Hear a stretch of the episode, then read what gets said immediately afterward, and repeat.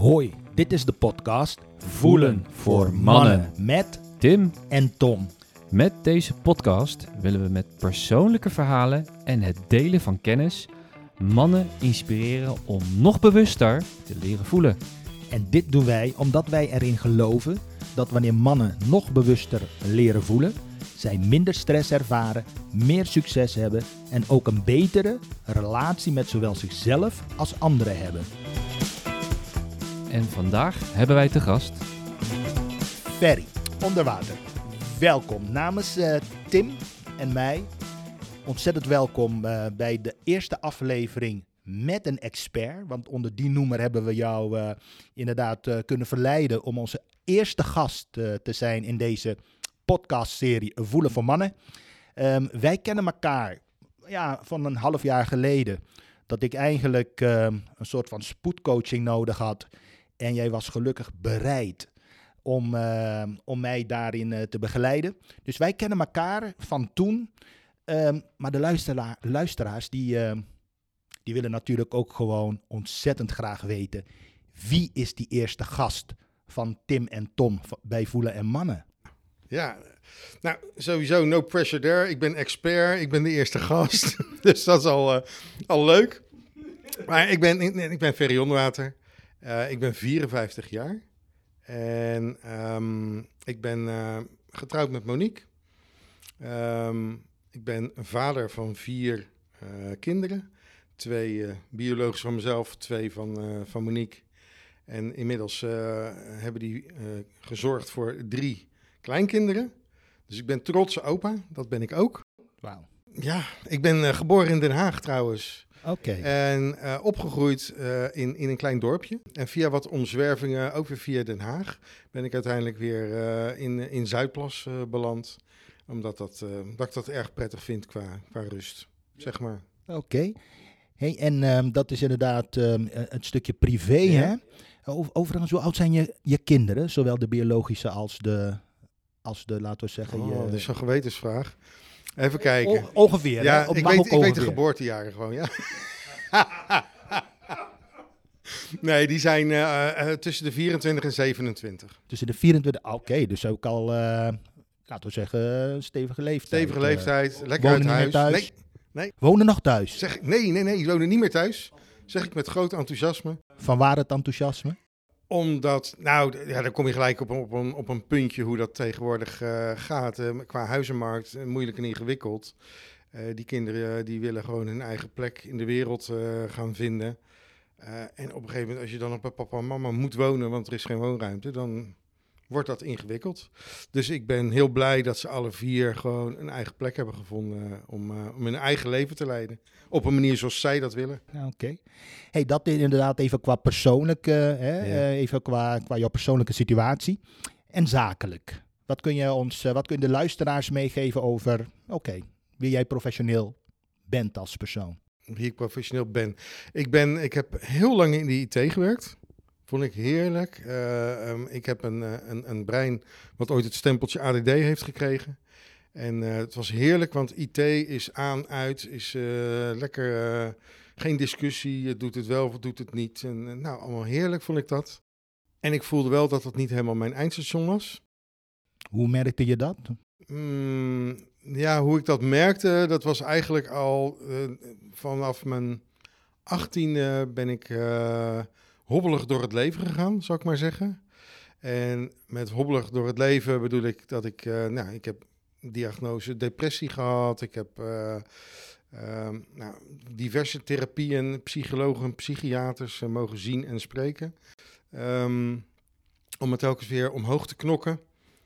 Om op het moment dat ik daar was, dat hield ik even vol en dan was de energie weer op en dan stort ik weer in. Dus zo ging mijn leven een beetje. En op een gegeven moment moest ik gewoon iets. Eh, wilde ik overeind blijven. En toen kwam ik in contact met ADHD-coaching. Kreeg de diagnose ADD. Eh nou, het reguliere traject bracht mij niet wat ik wilde. En toen kwam ik in contact met eh, een, een ADHD-coach. En die ADHD-coach die eh, liet mij kennis maken met, eh, als we het dan over voelen voor mannen hebben, eh, kwam ik daar weer op het gebied van, eh, en hoe doe ik dat dan? Ja. En dat vond ik rete interessant. Ik vond het zo interessant. Dus, eh, en ingewikkeld. Het lukte me ook voor geen meter in eerste instantie. Ja. En, en, en wat, maakt, wat, wat was jouw ontdekking ehm, toen je inderdaad voor het eerst in aanraking kwam om, om, om op een andere manier dus te voelen? Toen je bij ADHD eh, coaching terecht kwam? Nou, als ik heel eerlijk ben, ook wel een vorm van paniek. Want wat dan? En hoe dan? En, ehm, en eigenlijk, als ik heel eerlijk ben, dacht ik van joh, als ik die beerput opentrek, dan ehm, nou, kunnen we misschien beter niet doen. Want ik denk dat het dan te veel wordt. Dus ik was daar heel erg voorzichtig in. Echt heel erg voorzichtig. En hoe, hoe uitte die voorzichtigheid zich dan in, in, eh, in bij jou? Nou, heel erg op logica blijven door eh, redeneren. Heel erg vanuit eh, linkerbrein, zeg maar, eh, functioneren en analyseren. De modellen die ik aangeboden kreeg, vooral vanuit denken, Ja. proberen te integreren. Ehm, tot een moment op, ik heb een NLP practitioner ben ik op een gegeven moment gaan volgen. En daar was een moment dat ik wel voelde van, ik vind het wel heel fijn hier. Maar om dat gevoel ook te uiten, dat was way too much. Dus ik had een, een slim plannetje. Ik had bedacht van, ik ga een bos rozen kopen in de pauze. En dan leg ik op iedere stoel leg ik dan een roos. Voor al die Alle- voor deelnemers? Alle deelnemers. Oké. En, maar dat doe ik op zo'n manier dat ze me niet zien. En dan, eh, dat is dan mijn manier. Dat vond ik echt super cool van mezelf. Dus ik heb dat gedaan. En eh, niemand had me gezien, dacht ik. En ik ben gaan zitten. Ik denk van nou, zo, dan heb ik mij geuit, zeg maar. En een van de trainsters, die had mij gezien. En die zei van, nou, zo gaan we dat niet doen. en die Mhm. nodigde mij uit op die kruk. Dus ik zat ineens voor die groep. Oké. Eh, dat vond ik spannend. En toen vroeg ze me, waarom heb je dat gedaan? En toen ging ik dat vertellen en toen brak ik. En wat gebeurde er als jij het hebt over breken? Ehm, Toen voelde ik wat ik, wil, wat ik eigenlijk liever van binnen wilde houden. Want daar kon ik het nog een beetje containen en een beetje wegstoppen. ja. Eh, en op het moment dat ik er woorden aan gaf en voor die groep en die mensen contact voelden maken met mij, zeg maar, toen, ja, toen kwam er één grote berg emotie en, en verdriet en van alles kwam er los. Eh, wat ik toen helemaal niet zo goed kon duiden, alleen maar dat ik aan het janken was. Dat, dat deel had ik door, maar hoe dan, wat dan, dat vond ik nog heel ingewikkeld. Maar het meest interessante wat, wat daar toen ontstond, was dat ik voelde dat ik plek had. Een plek, een plek hebben is voor mij altijd een ingewikkeld dingetje geweest. Want voelen, nou, dat doe ik liever niet. Dus hoe weet je dan wat jouw plek is? En daar op dat moment voelde ik ineens dat ik plek had in deze groep.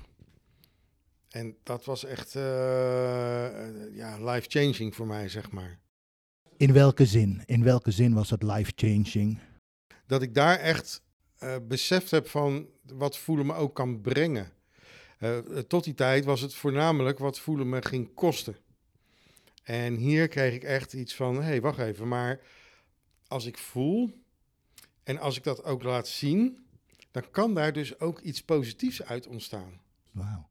En hoe zou je dat positieve, hè, de positieve reactie, hoe zou je dat willen beschrijven? Want dat, dat, dat raakte jou dus, dus blijkbaar, hè? Ja? Hoe zou ik de positieve reactie willen omschrijven? Welkom, welkom. Ja.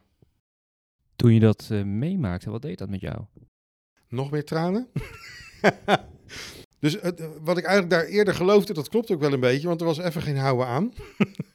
dus het was gewoon heel veel. En wat het ook met me, ik vind het een mooie vraag, omdat het me even terugbrengt naar dat moment, wat ik heel lang niet heb eh, bij stilgestaan meer. Ehm, wat het met me deed, was dat het ruimte gaf. Als ik dit, nou, dat, dat, dat, die tranen, die, ik noemde het net verdriet, I don't know. Het, het was een mix van van alles waarschijnlijk. Maar om dat eruit te laten, dat gaf ruimte. Ik denk dat dat wel het, het belangrijk, de belangrijkste ervaring was, zeg maar, die ik daar zo voelde. En, en ruimte als in plek, maar ook letterlijk ruimte in, in mezelf, in mijn lijf. Ja. Nou, Zo. dat. Het ging over, waar ging Ja. het ook weer over? Over mijn zakelijke... Ja, dat is wel mooi, hè? Dat we een vraag naar aanleiding van wat, eh, wat heb je professioneel met voelen te maken? Ja. Eh, Wat een mooie intro, toch? Zo. ja, ja. Maar dat is wel ehm, dat moment. Ja, wat, op, wel, op wat voor manier heeft dat moment, heeft die ervaring ertoe geleid dat jij doet nu als professional wat jij doet? Het, het, het, heeft. eh, ik heb de, de, de menselijke psyche altijd interessant gevonden. Dat, nou, dat was handig in die gesprekken met die psychologen en de sociaal, weet ik veel hoe ze allemaal heten. Eh, met al die therapieën ook en zo. Ehm, maar toen kreeg ik ineens het gevoel van, oh wacht even, er is een andere manier en die manier wil ik ook. Dit wil ik ook. Ik wil voor die groep staan. Eh, dus daar is eigenlijk het zaadje geplant. Ik ben de een na de andere opleiding gaan doen. Ik was echt Ja. niet de snelste qua. eh, het duurde me echt een paar blokken voordat ik. Voordat de kwartjes begonnen te vallen. Maar toen ze eenmaal begonnen te vallen, toen zijn ze ook niet meer gestopt tot de dag van vandaag. Welke opleidingen heb je het dan over? Eh, ik heb de practitioner gedaan, NLP practitioner, daarna een NLP master practitioner. Toen ben ik systemisch werk, dat is rondom familieopstellingen en zo. Systemisch werk ben ik gaan, do- gaan doen eh, en het vervolg erop, waardoor ik ook op, opstellingen kon begeleiden. Eh, en toen kwam het moment dat ik dacht van, en ik wil daar, dus ga ik nou de trainersopleiding of ga ik nou de coachopleiding doen? Ik had het, de mazzel dat ik vanuit mijn IT, ik werkte voor mezelf, daar kwam voldoende geld binnen om dit allemaal te bekostigen dat ik eh, die keuzes kon maken. En de ik heb toen de keuze gemaakt voor de coachopleiding. En dat was heel praktisch, die begon eerder. En die andere had ik een half jaar moeten wachten. Ik had geen geduld. Ik wilde nu verder. Ja. Toen ben ik de coachopleiding gaan doen. En ehm, ik heb eh, heel veel geluk gehad om eh, die bij Katelijne Wildevank zelf eh, te mogen volgen. Katelijn en Ans Vervoort. Eigenlijk voordat de, de, de cursus afgelopen was, vroeg Katelijne mij: Wil je, als je straks klaar bent, wil je hier komen coachen? Dus ja, dus toen ben ik begonnen eigenlijk. Ja. Maar, en dan als coach, maar nog niet als trainer, hè? Nog niet als Nee, trainer, nee. Dus ik ben als coach begonnen en in eerste instantie had ik ook veel vrouwen. En toen merkte ik op een gegeven moment van, eh, dat er veel mannen die wilden bij mij. Ik denk, oh, dat is interessant. Ah, ik was natuurlijk ook gewoon, mijn ego werd gestreeld. Eh, volkomen ten onrechte, want die mensen kenden mij niet, maar het voelde wel goed. Dus eh, kwamen er mannen bij mij. In de opleidingen die ik deed, waren heel weinig mannen. Er waren eigenlijk altijd grote bergen vrouwen. En, ehm, en er was één opmerking op een gegeven moment, dat was volgens mij, ik was al coach. En we hadden een, een, een, een training waar ik assisteerde. En ik hoorde een. eh, en, er waren dingen waar ik gewoon niet, zo, niet verder in kwam. Ik zat een soort van vast. Ik was coach en het was leuk. En, maar ik deed ook nog vooral IT eigenlijk. Dus ik deed ernaast. Maar hoe kom ik nou verder? En, en ik zat met mezelf een beetje van ja. En ik had heel veel capabele coaches om me heen. En toen hoorde ik een, een vrouwelijke coach tegen een eh, cliënt zeggen. Dus dat had niks met mij te maken. En die zei tegen die cliënt, het, was, het waren twee vrouwen. En ze zei, je hebt het bij de vrouwen te zoeken. En toen dacht ik, fuck. Ik heb het bij de mannen te zoeken. Ik heb hier allemaal hele capabele vrouwen om me heen, coaches. En ik heb het gewoon bij de mannen te zoeken. En toen ben ik op zoek gegaan naar een, eh, een, een mannelijke coach. En de buiten, buiten het instituut eh, waar... buiten het instituut. Die heb ik niet gevonden. Als in. nee, het, leuke was dat ik deze vraag gesteld heb aan Ans. Welke mannelijke coach moet ik hebben? Dus ik ben naar een vrouw gegaan om te vragen welke mannelijke coach moet ik hebben. Maar als je Ans zou kennen, dan zou je snappen waarom ik dat deed. Ans heeft genoeg mannelijke energie. En eh, zij, zij zei mij van, joh, dan moet je naar die en die en die. Ik ben één keer bij die man geweest. En ehm, die stelde me wat vragen. Hij was heel direct, was die. Ehm, er kwam bijvoorbeeld een vraag, ik had het over mijn lijf. Hij zegt, ja. Hij zegt, maar... eh, hij zegt, je bent ook gewoon veel te dik. Huh? Sorry? Subtiel. Ja, heel subtiel was dat. Eh, dus heel, heel direct. En eh, nou, ik was volledig in de war. Maar hij, eh, dus ik ben verder ook niet bij hem geweest. Ik zei dus, dus geen dus. Eh, verder ben ik niet bij hem geweest, maar hij zette me wel op een weg. Wat, wat maakte dat je op dat moment inderdaad besloot, blijkbaar, ik ga niet met jou verder? Eh, Toen wist ik dat niet, nu weet ik het wel. En dat is een bepaalde vorm van incongruentie die ik in die man voelde. Veel ego en, en veel... Ik heb op dit moment, heb ik, sorry, ik ga een beetje hak op tak. Ehm, een van de dingen die, waar ik op dit moment onwijs mee bezig ben, is... De, de, de, in de wereld zeggen ze wel eens, er is te veel mannenenergie. Dan denk ik, bullshit. Er is te veel verkeerde mannenenergie. En wat ik zie als ik om me heen kijk, dan zie ik heel veel mannen die in de war zijn. Mannen die niet goed weten hoe ze hun man zijn moeten doen. En dan kunnen ze enerzijds kunnen ze verdwijnen, een soort van doodgaan en uit passie, uit energie. En nou, dan krijgen we de burn-outs en, en, en soort lamgeslagen mannen zie ik dan. En anderzijds zie ik mannen die van mening zijn hun man zijn te moeten bewijzen vanuit kracht en macht. En dat zie ik heel veel, dat zie ik in politiek, dat zie ik in, in bedrijfsleven. En dat is gewoon toxisch voor, voor, voor de maatschappij. Dus ik geloof heel erg dat, en dat is ook mijn missie geworden, om mannen in balans te brengen. Sorry, ik ga door het lijstje, ik ga helemaal door de war. Mannen in balans te krijgen. Ik geloof dat mannen die weer terugkeren naar echt wie ze werkelijk zijn, en vanuit daaruit mogen groeien, die dus een, een, een goede balans weer kunnen ervaren. Gewoon hun balans tussen mannelijke energie, vrouwelijke energie, als je het zo een naampje zou geven. Dat de wereld dan gewoon een heel stuk mooier en, en liever en fijner wordt. Oké. Voor mannen en voor vrouwen. En voor vrouwen. Ja. Ferry, hoe uitzicht die balans voor jou in jouw leven nu? Hoe uitzicht die balans voor mij? Ehm, ik heb, ik denk ik drie maanden geleden voor het eerst gezegd van... Eigenlijk heb ik mijn leven nou in een vorm gekneed die bij mij past. Nou, daar moet je dan 54 jaar voor geworden zijn, blijkbaar. Eerder is het me nog niet gelukt.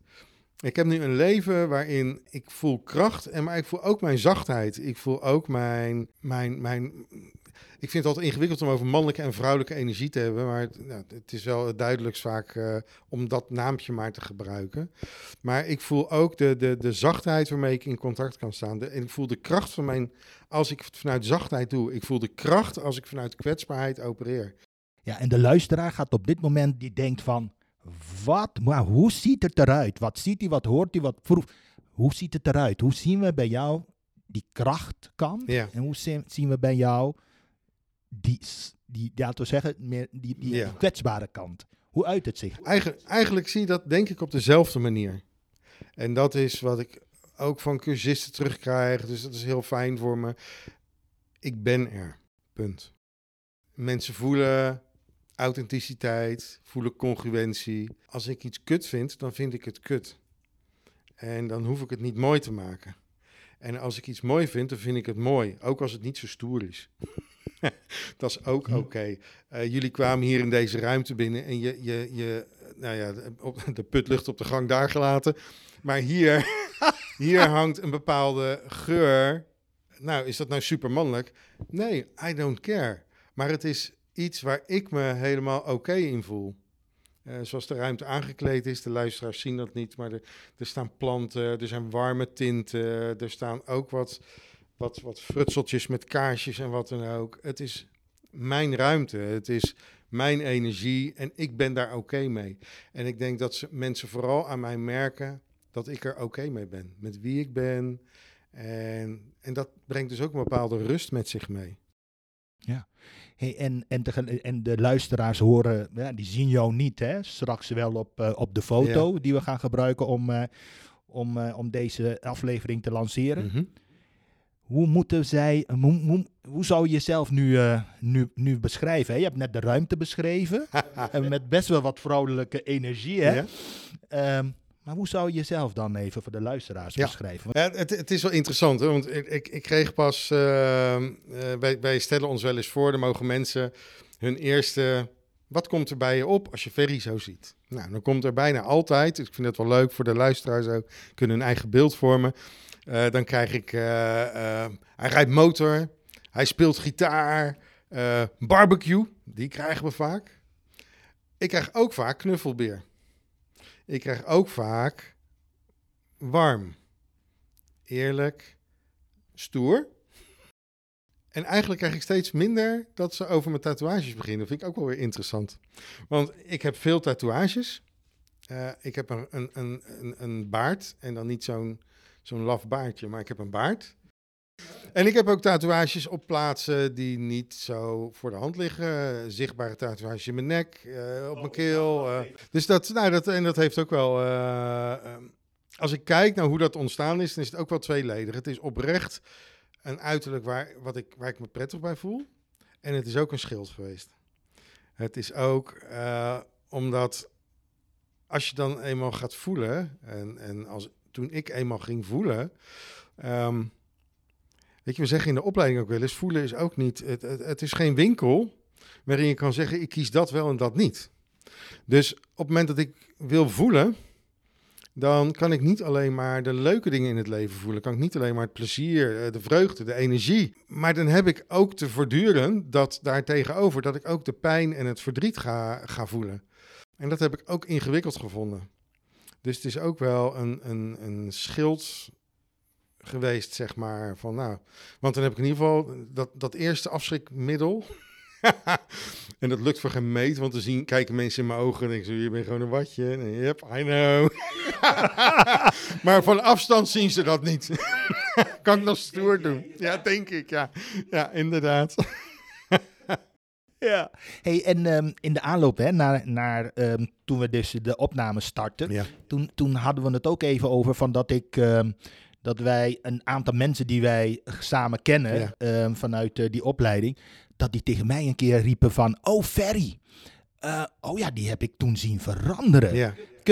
Kun je daar ons nog iets over vertellen? Want blijkbaar is er een moment geweest van die, laten we zeggen, van die transformatie. Misschien was het tijdens of misschien daarna die opleiding. Eh, ik weet niet precies welke mensen het waren natuurlijk, maar er, er zijn twee, dingen, twee momenten die ik me kan herinneren. En eh, het eerste heb ik eigenlijk net verteld, hè, dat die transformatie tijdens mijn practitioner, blok 3, eh, waar ik in eerste instantie gewoon alles vanuit het hoofd deed en ja, een beetje onzeker over plek en op die manier in de practitioner zat, echt nog zoekend naar een weg omhoog. En toen dat moment van die roos, waarin ik ineens van alles ging ervaren, ook plek. En vanuit die plek ook eh, een ander, ja, dan, dan wordt het contact ook anders. Als, toen ik het gevoel had van ik heb echt plek hier, dan ga ik die plek ook op een andere manier invullen. Want hey, er valt ineens iets in te vullen, en namelijk die plek. Dus dat kan ik me voorstellen. Eh, en, en ja, en waar we het ook al over gehad hadden, was die, die, die fysieke transformatie. En dat is eigenlijk een moment geweest, dat is ook een belangrijk moment geweest voor mij, dat ik ik zeg altijd voor de derde keer getrouwd. De tweede keer ben ik niet officieel getrouwd. Eh, daar is n- niet van gekomen uiteindelijk. Maar toen, me- toen die tweede relatie over was. ehm, en dan moet ik eigenlijk wat vertellen over die eerste twee relaties. Die zijn volledig gebaseerd geweest. Dat, het is niet volledig, maar dat is natuurlijk onzin. Maar die zijn grotendeels ook gebaseerd geweest op mijn behoeftes om gaten te vullen. Punt. Wat voor soort gaten? Nou, vind, vindt mij oké, vindt mij lief. eh, eigenlijk ben ik oké. Die bevestiging had ik gewoon nodig. Dus die, die, allebei die relaties kenmerkten zich ook door een ferry die eh, ongelooflijk veel geeft. Ook als daar niet om gevraagd wordt. En die, als je dan vanuit systemische blik bekijkt, eh, zo heel belangrijk vond om in de onschuld te staan. Dus ik geef vooral veel en ik neem minder. Nu weet ik dat ik ontzettend veel genomen heb, maar dat, zo zag ik dat toen nog niet. Ja, ja. Maar uiteindelijk, dus toen die relatie klaar was, ik was eigenlijk niet in staat om een volwassen relatie met een partner aan te gaan. En wat is een volwassen re- relatie voor jou? Een volwassen relatie is voor mij een relatie waarin eh, ik de ander niet nodig heb. Ik ben niet bij de ander omdat ik die persoon nodig heb. Ik ben bij de ander omdat ik het fijn vind om bij die ander te zijn. En vice versa. Dat kon ik helemaal niet. Ik kon niet eens bij mezelf zijn en daar tevreden mee zijn. En, en eh, toen die relatie op een gegeven moment over was, toen heb ik een, ben ik een twee jaar ben ik alleen geweest zo'n beetje. En in die twee jaar ontstond er ergens een moment waarop ik het oké begon te vinden. Oh, dat was zo grappig. Het was, ik was net uit die relatie en vervolgens bevond ik mezelf dus op, op vier betaalde dating sites. zo wanhopig was ik van, ik, ik moet iemand hebben. Ik kan Ja. niet alleen zijn. En ehm, eh, nou, dat, dat werd allemaal geen succes. En uiteindelijk kwam er een moment dat ik mezelf oké begon te vinden. Dat het oké was om alleen te zijn, omdat dat merkte dat is ook fijn en oké.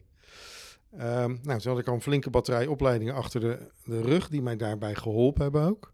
Maar dat was ook het moment dat eigenlijk die fysieke transformatie begonnen is.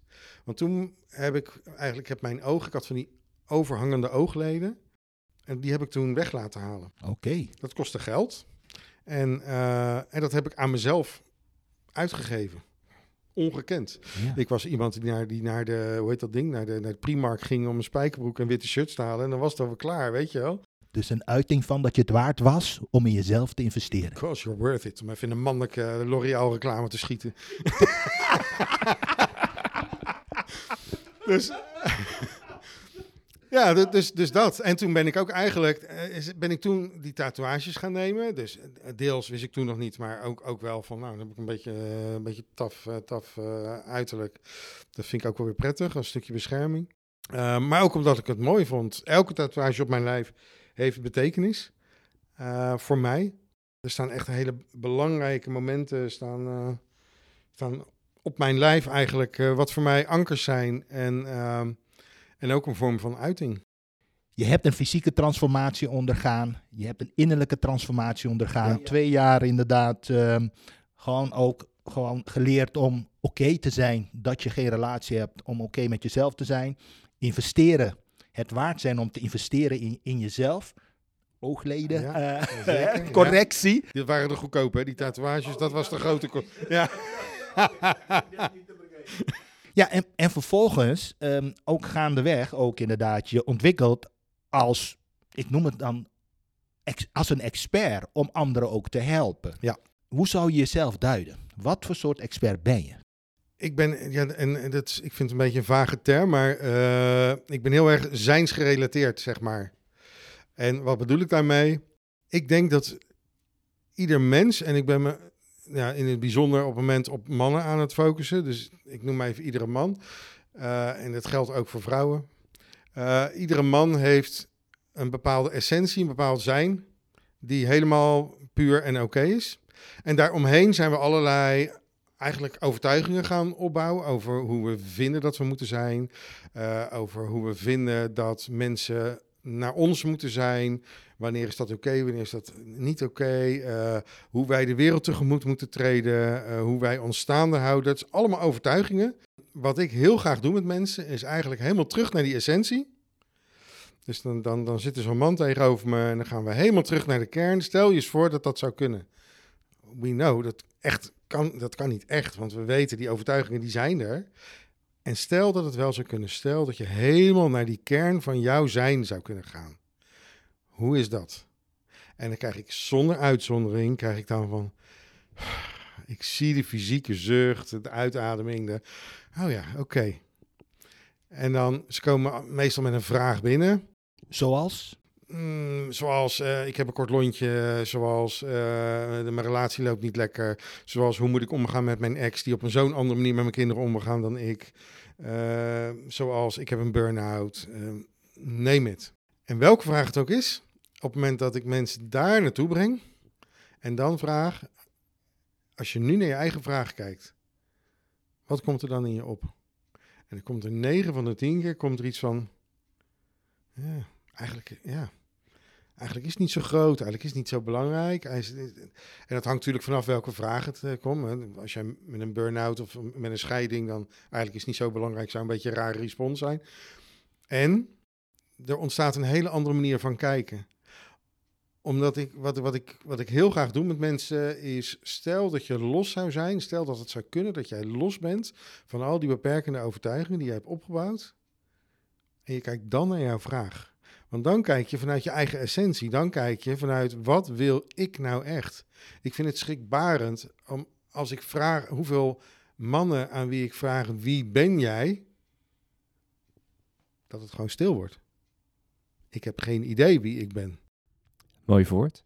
Ja, dus dat, is, dat is waar ik het liefste naartoe ga. Wie ben jij nou echt in de kern?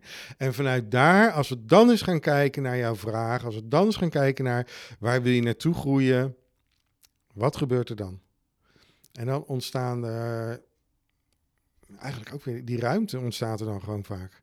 Mensen komen in een soort kramp, komen in een soort verkramping van overtuigingen van een langspeelplaat die in hun hoofd gaat en gaat en gaat, waar ze niet meer uitkomen. En, en ze hebben die, die, die ruimte te ervaren, zodat ze ook weer de, de ruimte ervaren om keuzes te kunnen maken, om te kunnen kijken, om te kunnen zeggen van hé, hey, maar wat zou ik nou eigenlijk willen? Als jij in zo'n verkramping zit, heb je geen idee. Je hebt ook geen ruimte om te voelen wat je, je voelt geen reet dan meer. Ja. Dat kan helemaal niet. Ja. Dus je hebt uit die kramp te komen om weer te kunnen voelen. Uit de kramp te komen, naar de kern te gaan om te kunnen voelen.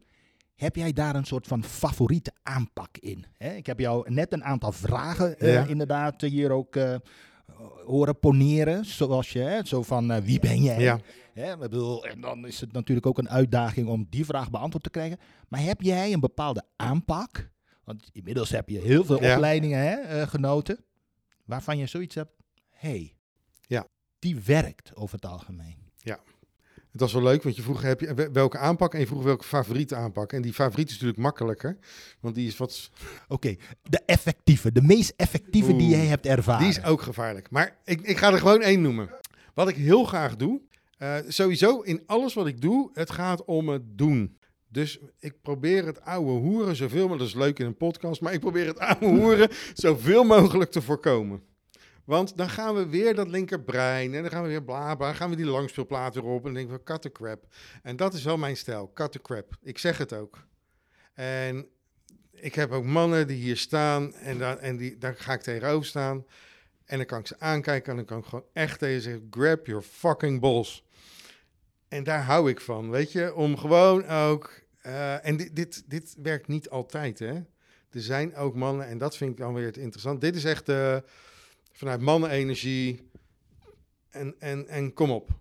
En dan krijg ik hier iemand, zo'n mooi voorbeeld. Ik had een, een, een man, een Spaanse man, die had ik in coaching. Hij zegt, ik heb geen energie. Zo zei hij het ook. Ik heb geen energie en het is echt op en ik kan niet meer. Oké, ga staan. Nou, hij staan. Ik pakte een kussen. Die hield ik voor me. Ik ben een grote vent, ben een stevige vent. Dus je krijgt mij niet zo ver omver. Ik hield dat kussen voor me en ik zeg, sla maar. En dan, dan begint dat met zo'n, met zo'n, zo'n bitch slap, weet je wel. Ik denk, come on. weet je, slaan. En binnen een minuut, letterlijk, binnen een minuut, tanden op elkaar. En hij stond te rammen en te rammen. En ik zeg, oké, heb je energie? Ja, ik heb energie. Ik zeg, weet je, het is zo'n bullshit om te zeggen, ik heb geen energie. Want dit, komt niet, dit is jouw energie, weet je. Het komt niet uit mij. Het is maar waar je mee verbonden bent. Het is maar waar jouw focus ligt, waar jouw, eh, welke keuze je maakt. En, en vaak is het een onbewuste keuze, I know. En nu maak ik er een bewuste keuze van voor jou door te zeggen van, en pak die energie eens in sla. En binnen een minuut voel jij energie. Dus, en dat, dat is één manier om aan te pakken. En soms heb ik dat ook zo niet te doen. Want dan, als ik zo'n man tegenover me krijg die het gewend is om vanuit kracht, vanuit macht, om alles met leven maar zo aan te pakken. Ik kan alles als ik het wil. En ik heb een fucking burn-out. Oh ja, dus misschien niet. En dan heb ik soms juist heel erg die andere kant op te gaan. En dat zijn die momenten dat ik iemand laat zitten. En dat mijn stem, wat ik nu ook doe, dat die wat langzamer gaat, wat lager. En dan breng ik ze in trance. En dan laat ik ze zo naar dat zelfstuk gaan, naar dat zijnstuk. Om, vanuit, om weer, weer wat ruimte te ervaren gewoon. Om te gaan voelen. en in allebei de gevallen gaan ze voelen. hè. En de een die voelt, die heeft nodig om, om die bang energie, om die weer eens te voelen. En de ander heeft het nodig om weer die zachtheid in zichzelf weer een keer te voelen en te ervaren. Van, oh ja, want we, we, we zijn niet of-of, we zijn en-en. We hebben het allemaal, we hebben al die energieën en we hebben te zorgen dat die energie in balans is. En dat kunnen we maar op één manier doen en dat is door te voelen. We kunnen dat niet bedenken hoe het in balans is. Dat kunnen we alleen maar voelen. Hoe ziet jouw vervolgreis er nog verder uit? Hmm. Hoe ziet mijn... Nou, mijn vervolgreis ziet er dus sowieso... eh, want daar hebben we het eigenlijk helemaal niet over gehad. Maar over, het, over het, het uitspreken. En dat is echt wel heel essentieel voor mij in mijn man zijn. Eh, dus ik ben mezelf steeds meer aan het uitspreken. Dat betekent dat ik, dat ik stelling neem. Dat ik uitspraken doe. Waar ik ook super dankbaar voor ben dat ik dat ook zo vandaag hier bij jullie heb mogen doen. Over hoe ik naar mannen kijk, naar de wereld kijk. En die vervolgreis die gaat dus veel meer in die richting. En ik heb echt in mijn hoofd, ik zou het echt super tof vinden om eh, persoonlijke opleidingen te geven waarbij het gros gewoon man is. En misschien wel, misschien wel opleidingen met gewoon alleen mannen. Om gewoon ook daar, ik heb ook bij de, bij de vrijwillige brandweer gezeten, sorry, ik bijt weer veel te ver uit. Eh, maar, en wat ik daar het meeste haalde, was die mannenenergie. Om gewoon met die mannen bij elkaar te zijn, om een grote bek te hebben over van alles en nog wat. In de wetenschap, we gaan straks naar huis en dan doen we gewoon weer normaal. En dan weten we dat dit allemaal onzin was. We know. maar het voelt even lekker. Mooi. Als ik tegen jou zeg, als je blijft staren naar de plek waar de zon onderging, zul je hem nooit meer zien opkomen. Dit, is een beetje wel mijn mantra in het leven. Eh, weet je, het leven is niet alleen maar leuk. Het leven is gewoon kut en rauw en, en pijnlijk soms. Ehm, maar zolang ik terug blijf kijken naar de achterkant, naar die pijn, naar wat er allemaal is geweest, naar wat ik ben verloren, naar... En zelfs al kijk ik terug alleen maar naar, uh, oh wat was het fijn, oh wat is het leuk, dan leef ik niet. Dus als ik, als ik iets wil, dan heb ik vooruit te kijken richting die zon. En dat wat achter me zit, dat is er, dat is er ook. En dat mag me steunen, dat mag me gebracht hebben waar ik vandaag de dag ben. En ik heb die kant op te kijken als ik vooruit wil. Is er nog een boodschap? Hè? Um, de Voelen van Mannen, die heeft inderdaad ook als bewuste doelgroep uh, mannen. Ja. Zou jij, heb jij nog een boodschap die je hier ook de eter in zou willen, uh, zou willen gooien richting mannen die onbewust of bewust kampen met de behoefte om te voelen of op een wat voor manier dan ook met zichzelf aan de slag te gaan? Hmm. Ik heb uh, uh, ik ben met, met, met twee andere mannen, zijn we de Mannen met Impact zijn we begonnen. Um, en Mannen met Impact, daar gaan we, gaan we nu 30 april, hè, een, een, event, Mannenvuur. Wat dus heel erg gaat over weer die, die, die passie gaan voelen. Om dat waakvlammetje wat in jou zit, om dat weer op te laten, uh, ik zou zeggen bloeien, maar dat is niet het goede, hoe noemen Op te laten laaien. Dat is het woord voor vuur. En onze doelgroep daar is eigenlijk zijn juist die mannen die nog niet in een practitioner zitten. Die mannen die nog niet, die nog geen persoonlijk ontwikkelingstraject hebben gehad. Die het gewoon spannend vinden van wat moet ik daar dan doen? Wat is dat dan? Wat is mijn boodschap voor die mannen? Um, ik denk dat het belangrijkste, nou, gewoon wat in me opkomt, eigenlijk het belangrijkste wat, wat bij mij is van doe, beweeg. En, en dan bedoel ik fysiek. Uh, maar dan bedoel ik ook van als je, als je iets wil, weet je, we zeggen altijd, als je blijft doen wat je altijd deed, dan blijf je krijgen wat je altijd kreeg. Tony Robbins, die zegt dat wat krachtiger, die zegt, change nothing, nothing changes. Dus als je iets anders wil, verander iets. Weet je, het, het is, en eigenlijk is, is, is misschien dat wel mijn belangrijkste boodschap. Als je, als je in het leven staat en je hebt iets van, ik wil iets anders gaan ervaren, ik wil meer gaan voelen, onderneem actie. En onderneem actie. Eh, in de training doen we ook vaak die metafoor. Dan hebben we zo'n plaatje met twee van die trappen. Ja. En die ene trap die heeft allemaal kleine treetjes. En die andere trap die heeft twee treden met een waanzinnige afstand ertussen. En we willen zo graag in het leven, willen we, we willen niet... Dat is een mooi verhaal met mijn gitaren. Ik heb dus drie gitaren en ik kan op geen van drieën spelen. Ik wil niet gitaar leren spelen. Ik wil gitaar kunnen spelen. En dat is de grootste fout die we in ons leven maken. Dat we niet de bereidheid hebben om die kleine stapjes te gaan nemen. Om dan eens een gitaar te pakken en dan te zeggen van nou, hoe is een F? Punt. Laten we daar eens mee beginnen in plaats van meteen, zeg maar, weet ik voor wat voor een solo eruit willen knallen. Dus belangrijkste boodschap, begin. En het hoeft niet groots en meeslepend, maar onderneem wel actie. Dat is alles wat je te doen hebt om in beweging te komen. Hey, ontzettend bedankt. Uh, in de eerste plaats dat je onze allereerste gast uh, wilde zijn als expert. Maar eigenlijk ook wel stiekem ook wel uh, als enorme ervaringsdeskundige. Zeker. Um, ontzettend bedankt voor jouw openheid, voor het uitspreken van je. En, ehm, en de inspiratie die wij in ieder geval meenemen, hier wij zelf. Maar ik ben ervan overtuigd ook alle luisteraars straks van deze podcast. Uh, er zit zoveel wijsheid in ervaring van een ander als je dat naar jezelf toe trekt. En dat merk ik bij jou ook. Je zegt dingen waarvan ik denk van, oh ja, tuurlijk. Zo logisch en zo waardevol. En zo zullen er vele mannen zijn, hopen we dan, die inderdaad zeggen, hé, hey, maar wacht even, daar heb ik wat aan. Of daar kan ik wat mee. Ja, gaaf. Dank jullie wel dat ik, uh, ik voel me vereerd dat ik als eerste uh, in de podcast Voelen voor Mannen mocht, als gast mocht zijn.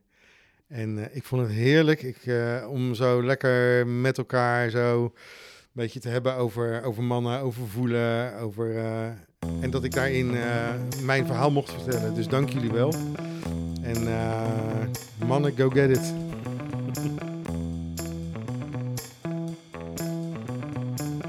Dit was Voelen voor Mannen. De podcast waar we mannen inspireren en uitdagen om nog bewuster te voelen. Dankjewel voor het luisteren. En proef dit nou meer, abonneer je dan op deze podcast.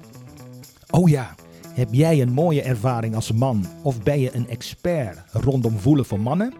En wil je hier graag wat over delen?